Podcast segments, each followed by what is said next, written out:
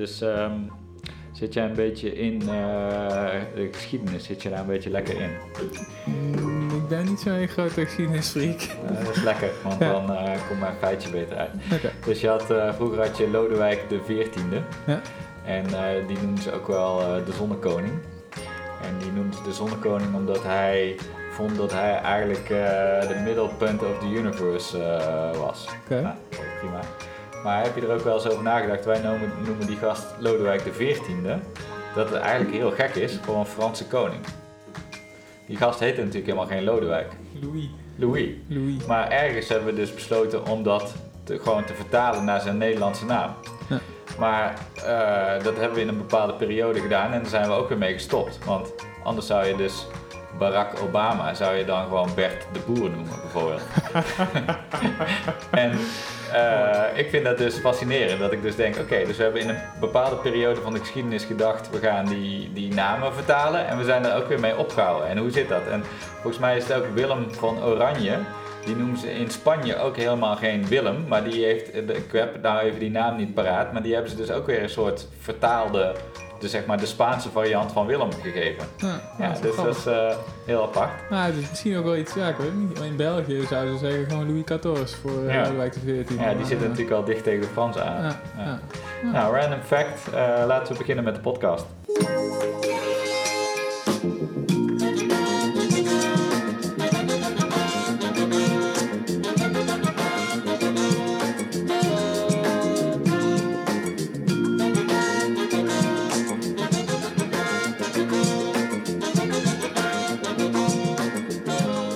Dames en heren, welkom. Dit is alweer de twintigste aflevering van Current Obsessions, de podcast over marketing, media en online business. En ik sta hier tegenover Yannick. En normaal eh, heb ik altijd heel weinig introductie voor mijn gasten, maar ehm, ik dacht misschien kun je toch even iets van context geven over eh, wie jij bent en wat je hier überhaupt komt doen. Ja, goeie. Eh, ja, dus Yannick Vijs, denk een jaar of tien professioneel bezig met online marketing. Ooit bij een heel klein bureautje begonnen, Search Result. En nu ja, eh, een eigen bedrijf gehad, Soefie, eh, best wel veel freelance opdrachten gehad. En eigenlijk altijd een beetje in het speelveld tussen eh, ja, de commercie en het IT-stuk. Dat vind ik eigenlijk wel een leuke uitdaging. Oké, mooi, mooi. Ehm, en vaste vraag waar ik altijd mee begin is: heb je de afgelopen periode nog iets interessants gezien, gelezen of gehoord? Ja, vers van de pers, twee uur geleden of zo. eh, de uitspraak van de agenda, die ook door eh, de Hoge Raad is eh, bekrachtigd. Dus dat zal wel een leuke impact maken op, ehm, ja, op 2020. Ik ben wel benieuwd wat de regering gaat doen. Maar ehm, ik ben ook wel benieuwd, maar ik kan het eigenlijk niet meer volgen. In de zin van: oké, dus je hebt een uitspraak en dan moet de overheid iets, maar dan kunnen ze nog in hoger beroep, dus dan hoeven ze eigenlijk toch weer niks. En nu denk ik ook: oké, maar wanneer komt er, komt er nog ooit een ui- uitspraak waarbij ehm, eh, die mensen echt eh, tot actie dwingt, de overheid? Ja, goede vraag. Dus ze hebben bij eh, het hoger beroep heeft de overheid wel gezegd van joh, we gaan ons eraan houden. Dus we gaan ons aan committeren. We gaan allerlei dingen doen waardoor we die, uit, die uitstootreductie gaan halen van 25%. Ja. En dat, dat gaan ze nog steeds doen. Alleen ze gaan het met de huidige maatregelen niet redden. Dan komen ze op 20, 21 Ja, alleen de vraag is, ja, kun je de overheid echt dwingen om extra te doen? Ja. Ja. dus, dus ja, dat is denk ik de, de grootste vraag. Hoe gaan ze, hè, want, want ja, ze hebben nog maar een jaar en, en eh, ja, over twee weken zijn we alweer 2020. Dus qua, qua belastingmaatregelen kunnen ze alweer heel weinig doen. Dus wat- Mhm. wat kunnen ze dan nog wel doen? Ja. Ja. Nou ja, we gaan het zien, maar het is eh, qua duurzaamheid denk ik wel weer een stap in de juiste richting. En het is ook wel gewoon eh, wat de tijdgeest afdwingt met pijn en moeite, met boerenprotesten, et cetera. Maar we bewegen langzaam toch in een duurzamer eh, ding. Ja, ja. Ehm, ik had jou uitgenodigd omdat ik dacht, ehm, eh, een interessante gast eh, vanuit meerdere optieken. Ehm, en met name het online ondernemerschap. En wij hebben een beetje zitten appen over projects versus side projects. Dus eh, ik definieer eigenlijk een side project als iets wat je naast je baan doet, of in ieder geval met een minimale investering, een soort bootstrappen. Ehm, en projects zijn eigenlijk de wat meer serieuze endeavors. En eh, volgens mij ben jij iemand die beide kanten van het spectrum mee heeft gemaakt. Klopt. Want je hebt een tijdje in loondienst gedraaid, toen had je ook side projects. Maar laten we even beginnen met een aantal jaar geleden heb je ook een wat meer omvangrijk project gestart. Klopt, klopt. Ja, dat was eh Zoofy. Eh, voor de mensen die het niet kennen, iedereen kent waarschijnlijk wel Werkspot. Hè, dat is meer voor de grotere klussen. Dus als je een aanbouw wil, dat soort dingen, dan ga je naar Werkspot. En Zoofy, wij waren eigenlijk voor hè, een beetje de Ubervacation van de, van, de, van de vakman. Dus als je een loodgieter nodig had voor een kleine klus, een verstopping of eh, je cv-ketel die stuk was, dan kon je via Zoofy kon je eigenlijk een soort van Amber Alert uitsturen. Joh, ik heb met spoed iemand nodig. En wij stuurden dan naar alle vakmannen die in de buurt waren een berichtje voor joh. hè, er heeft hier iemand een klus, eh uurtarief is X, wil je het doen? First come, first serve. Eerste Mhm. vakman die op ja klikte, die kreeg de klus. Want was dat ook al bij de start het eh, concept hè, om zeg maar met name op die spoedeisende klussen? Of wilde je eigenlijk werkspot eh, nou, zeg maar even van de troon gaan stoten? Of, in hoeverre ben je daar naartoe gegroeid en dat? Ja. ja, dus wij zochten niet per se de concurrentie op met Werkspot.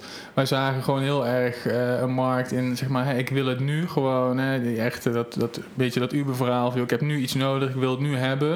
En dus daar focussen we heel erg op. En eh, ja, in het begin hebben we een aantal verticals geprobeerd. Eh, Dus eh elektricien, loodgieter, glaszetter, ongedierte. En ja, een stuk of tien verschillende. En al heel gauw zagen we dat nou ja, loodgieter, cv, elektra, dat waren wel de grote jongens. En daarbinnen was, nou ik, ik weet de exacte percentage niet meer, maar een heel groot deel was echt wel, zeg maar, gespoed of de volgende dag of in ieder geval dezelfde week. Dus, dus ja, mensen Mm. willen dan gewoon heel snel geholpen worden. Dus Ja. daar, ja, daar ja, ging heel veel aandacht ook naar uit, naar het Ja. platform. Want hoe lang heb je eh, tijd en energie en eh, geld in Zoovie gestopt? Ik heb er eh, ruim drie jaar van mijn leven aan eh gewijd. Ja. Gr- Grinding. eh, Grinding. ja. Nou, was in Wat, het begin wat, wat heb je voor, ja, hoe moet ik zeggen, lessen geleerd of voor wat voor trajecten heb je doorgemaakt? Ja, goede vraag. Nou, ja, dus ehm, toen ik startte met Soefi, toen was ik eigenlijk was ik, was ik nog aan het interimmen. En op een gegeven moment zagen we van, goh, dat was eigenlijk al na een paar maanden zagen we van, joh, dat Soefi dat, dat, dat eh, heeft wel potentie. Dus toen ben ik gestopt met interimmen. En nou, ik had daarvoor had ik echt al jaren geïnterim, dus ik had best wel een spaarpotje opgebouwd. En eh, ja, ik en ook mijn eh, andere partner in crime, Arthur de Leeuw, die hebben gewoon gezegd in het begin van joh, we gaan geen eh, salaris eh, trekken. Dus dat is ook on- onze investering in de tent. Ja, en achteraf, eh, hè, natuurlijk is het, is het raar dat je als, als beginnend ondernemer meteen eh, een directeursalaris vangt. Alleen dat heeft bij mij wel, ja, dat heeft best wel wat, ja, hoe zeg je dat, wat impact gehad op, eh, op mijn leven. Die spaarpot ging het ook best wel snel, ja, die verdween best wel snel. Dus ja, ik, ik denk dat ik eerder had moeten ingrepen qua financiën. Dat ik had moeten zeggen van, joh, ja, ik vind het prima. Ik hoef nog steeds niet de hoofdprijs te ontvangen, maar ik wil wel gewoon een, Ja. een fatsoenlijk je bent echt wel eh, van eh, being a rich motherfucker naar eh, being a poor motherfucker gegaan by choice. Ja, Zeg maar, omdat je natuurlijk een dik inkomen had als freelancer. Ja. Tenminste, niet, dat is niet vanzelfsprekend, maar in online marketing en ik ken jou een beetje, dat ik denk, volgens mij ging dat prima. Ja. Ehm, naar eigenlijk lean en mean om eigenlijk die tent te laten groeien, maar vervolgens, ehm, ja, hoe noem je dat nou eigenlijk? Dit, dit is een soort van, ehm, ja, de randvoorwaarden zijn dan eigenlijk te schraal of zo. Ja, klopt. En in het begin was dat niet zo erg. Hè. We zaten er allemaal met dezelfde, ja, op dezelfde manier in. Vond ik niet erg. Maar op een gegeven moment merkte je heel erg bij, eh bij en ik dat, ja, dat, hè, dat, dat die financiële component was wel, was wel een dingetje, zeg maar. Hè. Dus daar hadden we denk ik wat eerder ja, aan andere aandeelhouders ook kenbaar moeten maken van joh, we willen dit toch wel Ja. even wat anders inrichten. Want je hebt je aandelen eh, verkocht. Eh, wat voor schaal eh, was Zoovie toen aan het opereren? Het maakt me even niet uit of je het dan hebt over bezoekers of aanvragen of mensen waar je mee werkt. Of maar gewoon geef me even een idee. Ja, goede vragen. Dus we hadden een aantal duizenden vakmannen bijvoorbeeld aangesloten aan ons platform. En we deden echt wel eh, best wel wat, eh, omzet. Hè. Dus qua platformomzet zat dat eh, ja, op jaarbasis boven negen cijfers, zeg maar. Ja, ja, het is gewoon een serieuze company. ja, Ja. serieus. Ja. En ehm, wat heb je daarna gedaan? Want toen ben je volgens mij weer een tijdje gaan interim, maar je hebt ook nog side projects. Klopt. gedaan. Ja, klopt. Ja, en eigenlijk, eh, toen ik begonnen ben bij Search Result, heel tijd geleden, waar jij Ja. trouwens ook nog gewerkt hebt. Oh. Ehm, en ik denk een paar maanden nadat ik daar eh, gestart ben, eh, ben ik mijn eigen eerste projectje al begonnen. En ik zat net te kijken, want dat was eh, gewoon via AdSense. Hè, dus je hebt een code op je website en als mensen daarop klikken op zo'n advertentie, nou, dan verdien je geld. En Ja. in de afgelopen tien jaar heb ik daar dus nu meer dan 140.000 euro mee verdiend. En dat zijn allemaal... Want dat zie je gewoon terug. Eh, Dat is puur AdSense vanuit dat AdSense. ene account. Dat Ja. heb je gewoon. Dus- Kun je nu, als je dat eh, op Unlimited zet, ja. dan komt er 140.000 euro te staan. Ja, soms lekker. 143.000 nog wat. Ja, en, en dat is dan zeg maar één van die inkomstenstromen. Dan heb ik nog hè, affiliate en zo heb ik nog een paar andere. Dus als je het allemaal op één hoop gooit, dan, ja, dan, dan heb ik best wel een aantal leuke side projects gehad, zeg maar. ja. Maar eh, wij hebben het natuurlijk ook wel eens vaker over gesproken. Maar eh, een van de onwaarschijnlijke dingen die ik me kon herinneren waren Engelstalige fastfoodmenu's, als ik het me goed herinner. Klopt, grappig dat je het zegt. Ja, dus die, die deed het heel goed. Maar wat, wat, wat was dit voor project? Wat was Nou, dit voor site? Ja, dus kijk, op een gegeven moment, eh, ik ben begonnen met, eh, ik had toen gewoon eh, een, een, eh, een salaris en ehm, ik, ik, ik zette toen mijn eigen projecten op. En op een gegeven moment ben ik gaan freelancen en van een deel van mijn omzet kocht ik sites. Want dat, Ja. dat, dat Schoot had op. ja, schoot op meer op. Ja. En een van die sites die ik kocht was eh fastfoodprice.co.uk. En Want je dacht meteen, er zit geld in. ja, nou, ik dacht van ja, kijk, ehm, eh, ik vergelijk het met zeg maar eh, gewoon echte real estate. Hè, dus als je een woning hebt, kost, weet ik veel, zeg een simpel appartement, 150k, pak je 4% rendement, 6 mil per jaar. Nou, hè, dan, dan doe je het gewoon gemiddeld. Maar Ja. bij online real estate zijn die cijfers echt totaal anders. Dus zeker in die tijd. Hè, dus die site heb ik gekocht. Ehm, hè, dus die, die werd gewaardeerd. Stel dat die 5000 euro per jaar maakte, dan kon ik die ook kopen voor 5000 euro. Dus dan heb je Mhm. geen rendement van 4%, maar van 100%. Nou. En als je dat maal een aantal websites doet, dan gaat het natuurlijk heel hard. Ja. En inmiddels heb ik dat ook echt al in een veelvoud terugverdiend. En ik, Mhm. ik dacht gewoon van ja, waarom verkopen die mensen dat? Ja, dus ik ben ook een paar keer wel de mist ingegaan. Dat ik echt Ja. een, eh, kat in de zak heb gekocht. Maar ik heb ook echt wel, eh, waaronder die site gekocht. En daar heb ik echt wel eh, meerdere malen mijn geld al uitgehaald. En dat is nu, ja, weet niet, vijf jaar geleden. Maar dat ja, Ging lekker. ging lekker. Ja. En, en hoe ga je dan te werk? Want eh, je kijkt naar wat, wat er wordt aangeboden, of, of zit je zelf eh, onderzoek te doen dat je denkt, hé, hey, in deze niche is nog heel weinig. Ja, een beetje van beide. Dus soms stuit ik tegen een website dat ik denk van ja, die doet niks.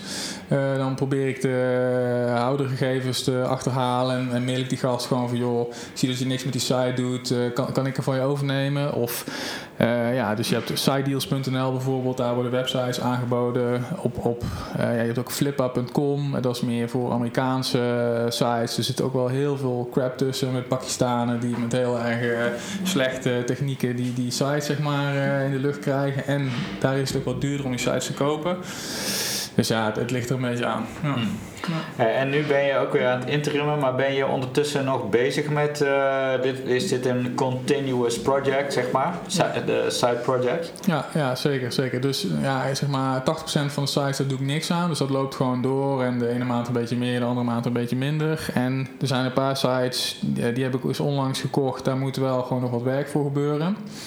Eh, ja, een, een daarvan is dat fastfood verhaal. Die is echt gewoon even, die heeft een eh, algorithm eh, hit gehad, zoals dat zo mooi heet. Ja. Hè? Dus die, de november update van Google, die, die is daar even goed overheen gegaan. Ja. Dus ik, ik weet al wat ik moet doen om het, om het te verbeteren. Maar ja, dat, dat, dat heeft gewoon wel wat tijd nodig. Dus dat staat op de planning voor 2020, zeg maar. Ja. En ehm, ehm, wat, wat is voor jou het eh, ding waarom... Nou, ik bedoel, het geld is natuurlijk lekker, maar als je dan zeg maar even zo'n Zoovie vergelijkt met een side project, dat is eh, natuurlijk een andere schaal, maar wat, wat, hoe zie jij het verschil nog meer? Wat maakt het voor jou leuk om aan side projects te werken? Ja, goede vraag. Nou, eh, ja, ik zou het bijna wel omdraaien. Op een gegeven moment vond ik het gewoon niet meer leuk om aan de side projects te werken. Want je zit toch een beetje gewoon in je eentje. Gewoon, ja, het is toch niet heel erg eh, ja, inspirerend werk. Hè. Uiteindelijk Mhm. ben je gewoon een soort van advertentieverkoper. Dat is niet Mhm. heel erg, daar word je niet heel erg eh Maar dan, dan is het feitelijk ook geen side project meer. Hè? Als, je dat, als je dit fulltime doet, Ja. Dan is het eigenlijk, zijn al die kleine projects zijn ineens toch gewoon één groot project geworden. Ja, klopt. klopt. Ja, dat, dat, is, dat is zeker zo. Hè. Dus dat is eigenlijk een van de redenen dat ik uh, ook Soefie ben gestart. En dat is eigenlijk ook een van de redenen dat ik nu ook weer een beetje aan het kijken ben van goh, wat, uh, wat ga ik doen? dus ik ben in aanraking gekomen met iemand die heeft ook een mooi platform met, ja, die verkoopt er allemaal spullen van artisans, tussen aanstekens. Dus dat zijn mensen in India, Zuid-Amerika, die kunnen echt, echt mooi handwerk maken. Dus sieraden of portemonnees of tassen. 70.000 producten online. Ja, alleen ja, dat, die tent moet echt nog wel wat beter gaan lopen, zeg maar. Dus mm. ik ben ook aan het kijken of ik daar uh,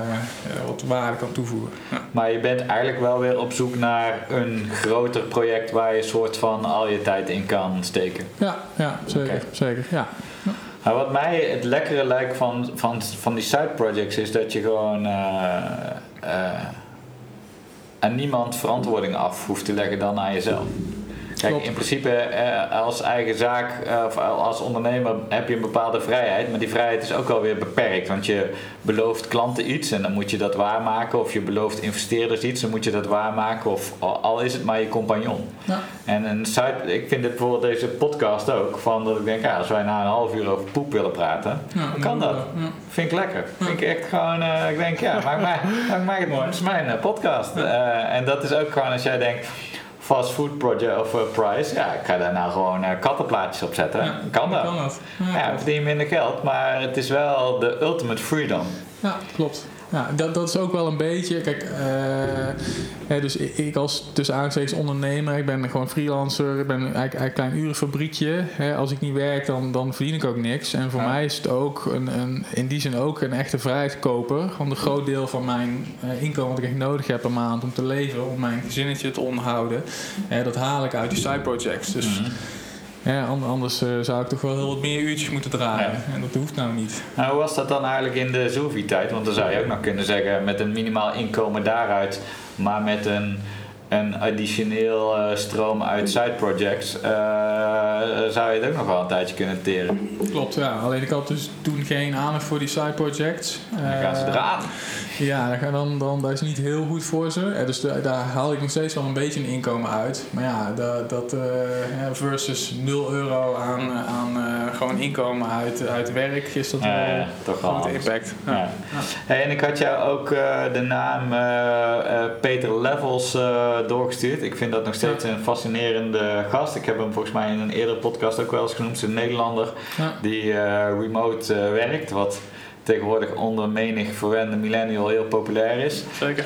Um, maar hij doet het ook echt, weet je wel. Er zijn natuurlijk heel veel mensen die dat soort van als een soort ideaal plaatje Instagram lifestyle doen. Maar hij is wel echt living the philosophy. Ja. En uh, wat vind jij van hem? Of wat vind je van zijn nou, ja, dus, goed? Ja, ik, eh, ik vind hem wel uh, toffe gast. Hij, ja, kijk, hij, hij lult niet zoveel en hij doet het gewoon. Ja, Dus hij maakt Nomad List en uh, Makebook en hij heeft zo'n aantal dingen gemaakt. Ik heb Makebook ook gekocht. En, mm. ja, dus hij lult niet zoveel. Maar wat ik, wat ik knap vind, kijk, ik kan bijvoorbeeld niet programmeren. Hij kan ook niet echt programmeren. Hij, is, hij, is, ja, hij heeft het zichzelf geleerd. Hij heeft het zichzelf geleerd. En nu inmiddels kan hij wel aardig programmeren, maar ja, dus, hij kan wel iets. Hij kan wel iets, maar ik, ik, kan bijvoorbeeld niet opbrengen om, om te leren programmeren. Op een of andere manier uh, lukt mij niet. En nou, tegenwoordig heb je wel je hebt heel veel no-code tools en low-code tools, waardoor je toch eigenlijk met ja, uh, nul kennis van programmeren toch mooie dingen kunt bouwen. En dat is denk ik wel iets voor de huidige luie millennials, als je echt wil leren programmeren, dan moet je er wel even wat tijd in stoppen. Maar met no-code tools kun je een eind komen. Kun je heel maar ik denk dus ook over leren programmeren. Um, het vergt ook wel een soort basis skillset om dat te kunnen. Dus ik denk namelijk, ik kan daar heel veel tijd in steken.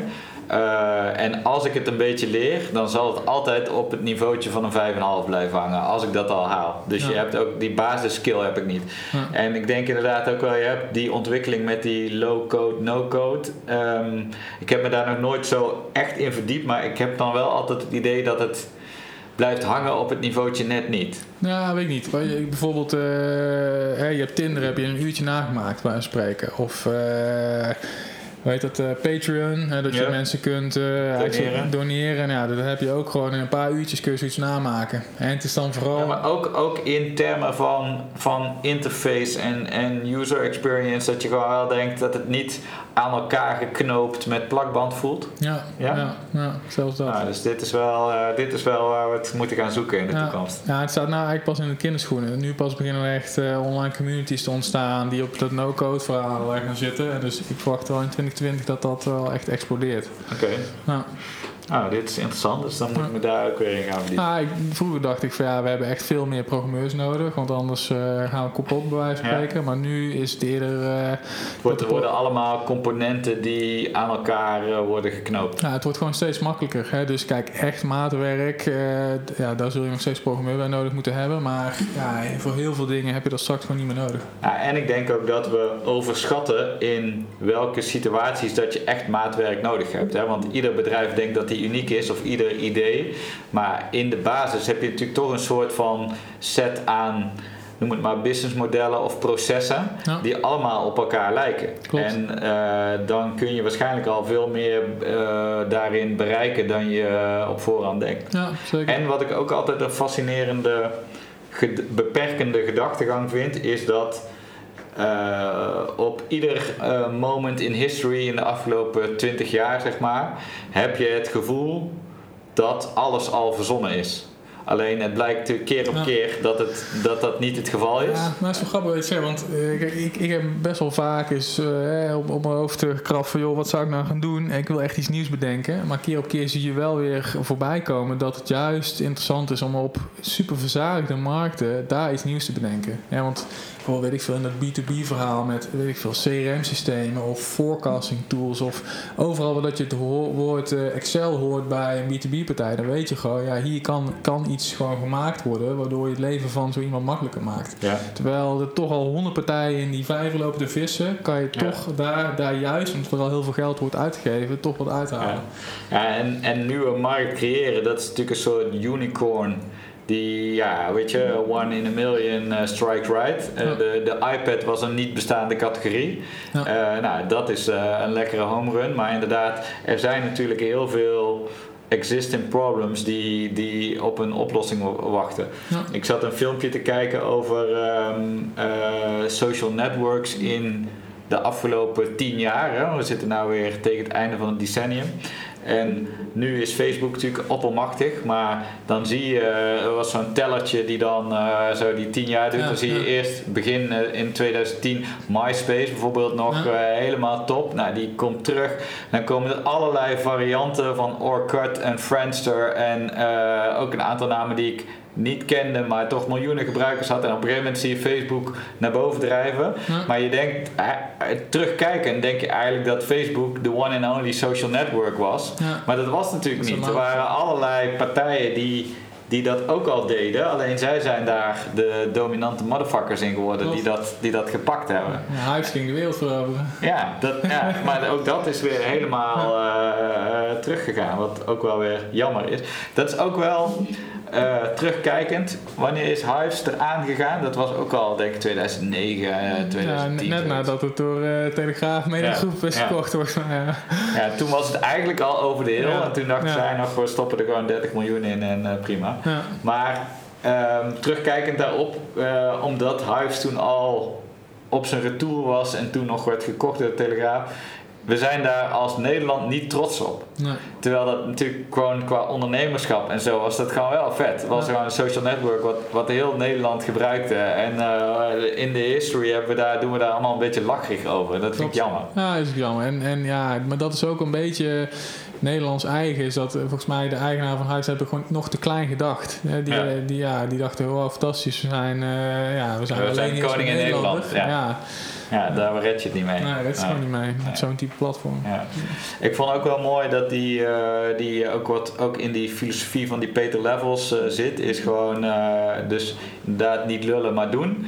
Maar dat hij dan dus ook in de inleiding beschrijft hij hoe hij dat boek, hij heeft een boek geschreven, een Ja. e-book Make, en dat eigenlijk beschrijft dat zijn hele filosofie over hoe dat hij werkt.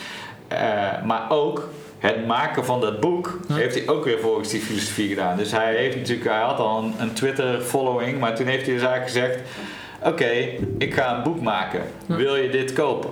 En Nou, een typevormpje gemaakt, super simpel, kun je in een half uurtje opzetten.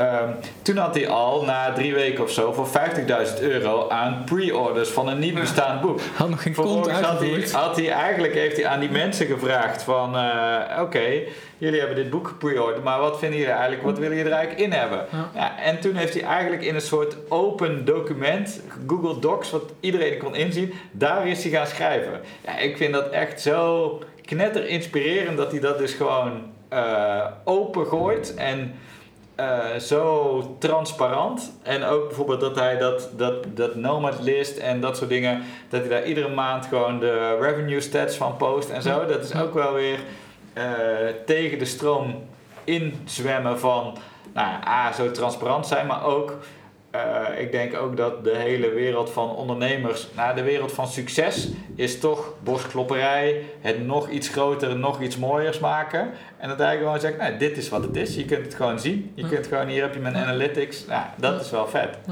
Dus ik vind dat wel ehm, inspirerende gasten, omdat die tegen de stroom inzwemmen van wat normaal is. En dat vind ik ook wel mooi. ja zeker. zeker. En ehm, eh, kijk, nou zijn ehm, side projects zijn natuurlijk ergens wel bedoeld om geld te verdienen.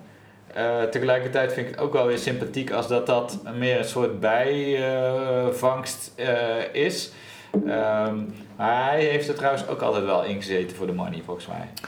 Ja, klopt. klopt. Maar ja, en, en, en voor de lifestyle. Hè. Dus hij, eh, hij huurt bijna niemand in. Behalve iemand die ervoor zorgt dat als er iets mis is met zijn servers. eh, die is gewoon, wij spreken 24-7 on-call. Dus, maar de die gast rekent dan ook wel 2.000, 3.000 dollar per maand. En dat, dat is volgens mij zijn grootste kostenpost. Dus, dus iemand die hem weer uit de shit kan halen als er echt iets aan de hand is. Want dat vind ik inderdaad ook een mo- mooie filosofie. Daar hadden we het net ook al even over van dat je normaal gesproken eh, ja, wil je groeien. En groeien laat je ook een beetje zien aan de buitenwereld door een mooi pand te gaan huren en door mensen in dienst te nemen. Dat hij ook gewoon daar ook allemaal van zegt, cut the bullshit. Ja. Eh, groeien is gewoon meer omzet en eh, revenue. Maar dat zit niet in mensen. Sterker nog, je moet het zo, zo min mogelijk doen. ja, klopt. Dus dat is wel weer. Ik vond toen tien jaar geleden vond ik die 4-hour workweek vond ik inspirerend. Ja. Hoewel dat dat in a way ook wel weer total bullshit is of zo. Ja, weet ik niet. Maar die, die, die filosofie is denk ik wel goed. Hè? Dat je kunt denken van ja, wat, wat kan ik automatiseren in mijn leven? Hè? Waardoor kan ik het makkelijker maken? Dat is... eh, Ja, dat, dat is ook wel. Ik, volgens mij staat mijn microfoon heel hard. Eh, moet ik ook niet achterin praten, dat is wel een beetje fluisteren. Oké. Mijn microfoon Maar, is heel eh, zacht. Ehm, ja, dan krijg je een kwaliteitsmicrofoons.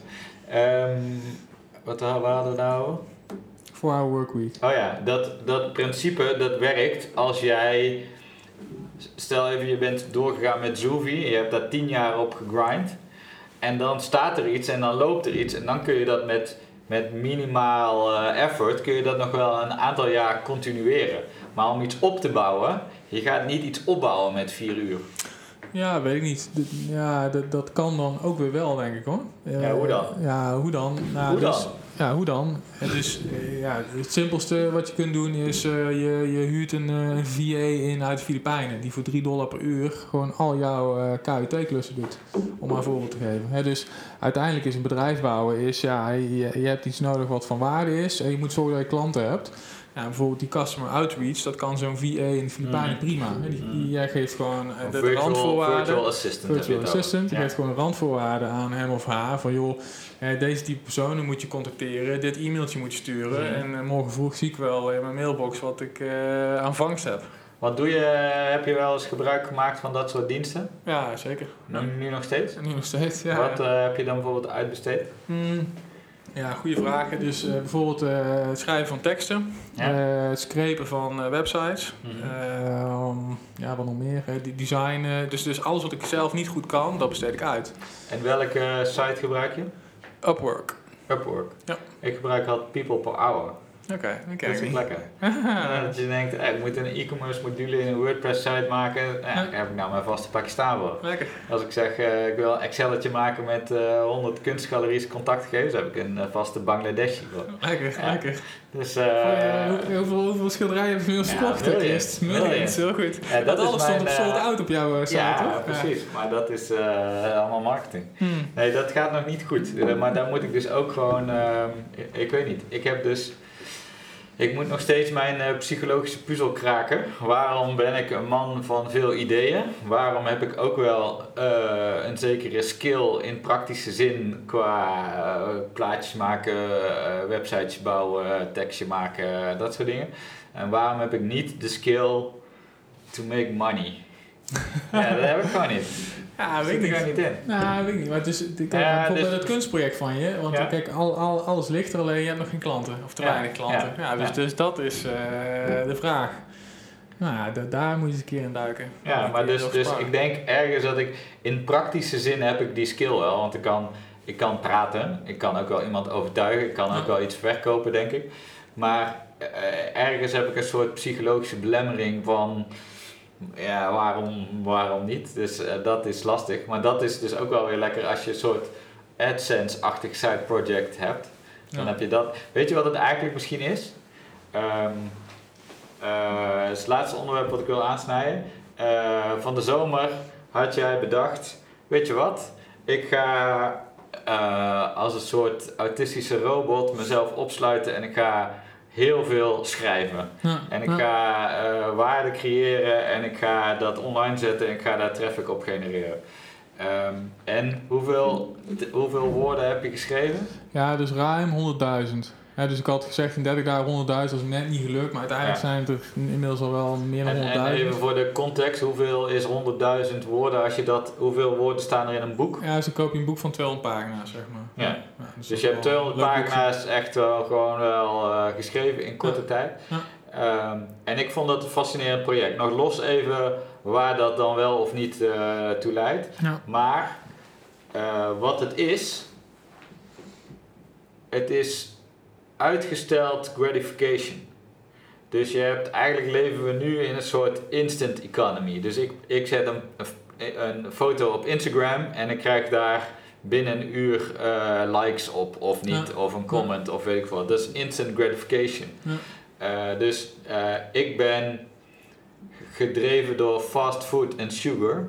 Ja. Terwijl je moet dus ook gewoon diep kunnen gaan en dan de reward pas veel later. Ik gebruik Ja. vandaag heel veel Engelse woorden. Ja. Maak je in maar los. ja, klopt. Dus, dus dat is ook wel een soort skill. Dat je gewoon moet denken, nee oké, ik moet gewoon eerst nu 40 van die galleries brengen. Dan heb ik 40 keer dat ik een beetje eh, me kloterig voel en zo. En dan pas bij de 41ste keer schiet ik raak. Ja, dat, dat. En voor mij was het ook meer. Ik, ik heb ook best wel wat ideeën waarvan ik denk van ja, dit zou ik kunnen doen, dat zou ik kunnen doen. Alleen, eh, en, en ik voer er ook best wel wat uit, maar er zijn ook een heleboel die gewoon bij mij stranden. En dat komt ook omdat ik dan te weinig commitment op één project zet. Mhm. Dus ik heb ook tegen mezelf gezegd van ja, voor dit project ga ik gewoon hè, 100.000 woorden, ja, dat zijn nogal wel uurtjes. Dus ik kan het dan ook niet, niet zomaar meer laten gaan. Ik kan het dan ook niet zomaar in de prullenbak gooien. Omdat je al die tijd Omdat en die commitment hebt geïnvesteerd. Juist, juist. Het is voor mij een soort van, ja... eh, dus, dus starten is niet moeilijk, maar het doorzetten van een start, dat is, dat is Ja. eigenlijk veel moeilijker. Ja. En, Het enige waar ik tot nu toe dit jaar succesvol in ben geweest, is de podcast. Ja. Afgelopen half jaar toch iedere week podcast, nieuwsbriefje erbij. En Ja. op zich niet de heftigste investering ooit, maar het is wel gewoon waarom, waarom dat dan wel? Ja, weet ik niet. Om, misschien ook wel omdat eh, dit gesprek is ook al een vorm van gratification. Ja. Want ik vind het ges- eh, bijvoorbeeld schrijven vind ik best wel moeilijk. Het is eenzaam. eh, je haalt daar eh, misschien wel een voldaan gevoel uit, maar het is niet per se super leuk. Ja. Terwijl gewoon met iemand praten, ik- dat vind ik best leuk. Ja. Dus dat is makkelijker vol houden. Dus volgens mij moet ik moet het opknippen in stapjes en gewoon ook commitment, maar ook bepalen waar haal je je lol uit. Ja, Oké, heb je nog een eh, afsluitende wens, nieuwjaarswens, terugblik op het decennium, eh, eh, goed advies, vaderlijk advies, iets waar we mee kunnen afsluiten? Ja, Zeg niet nee. ik zou bijna de Triodos slogan willen herhalen, maar volg je hart en ga gewoon. Maar ja, dus iets waarvan je altijd al hebt gedacht, oh, dat moet ik doen, ga het gewoon doen in 2020. Mooi eh, afsluitende woorden. Dankjewel. Tot de volgende aflevering. Tot ziens. Moet jij nog even tot ziens zeggen. Oké, tot ziens.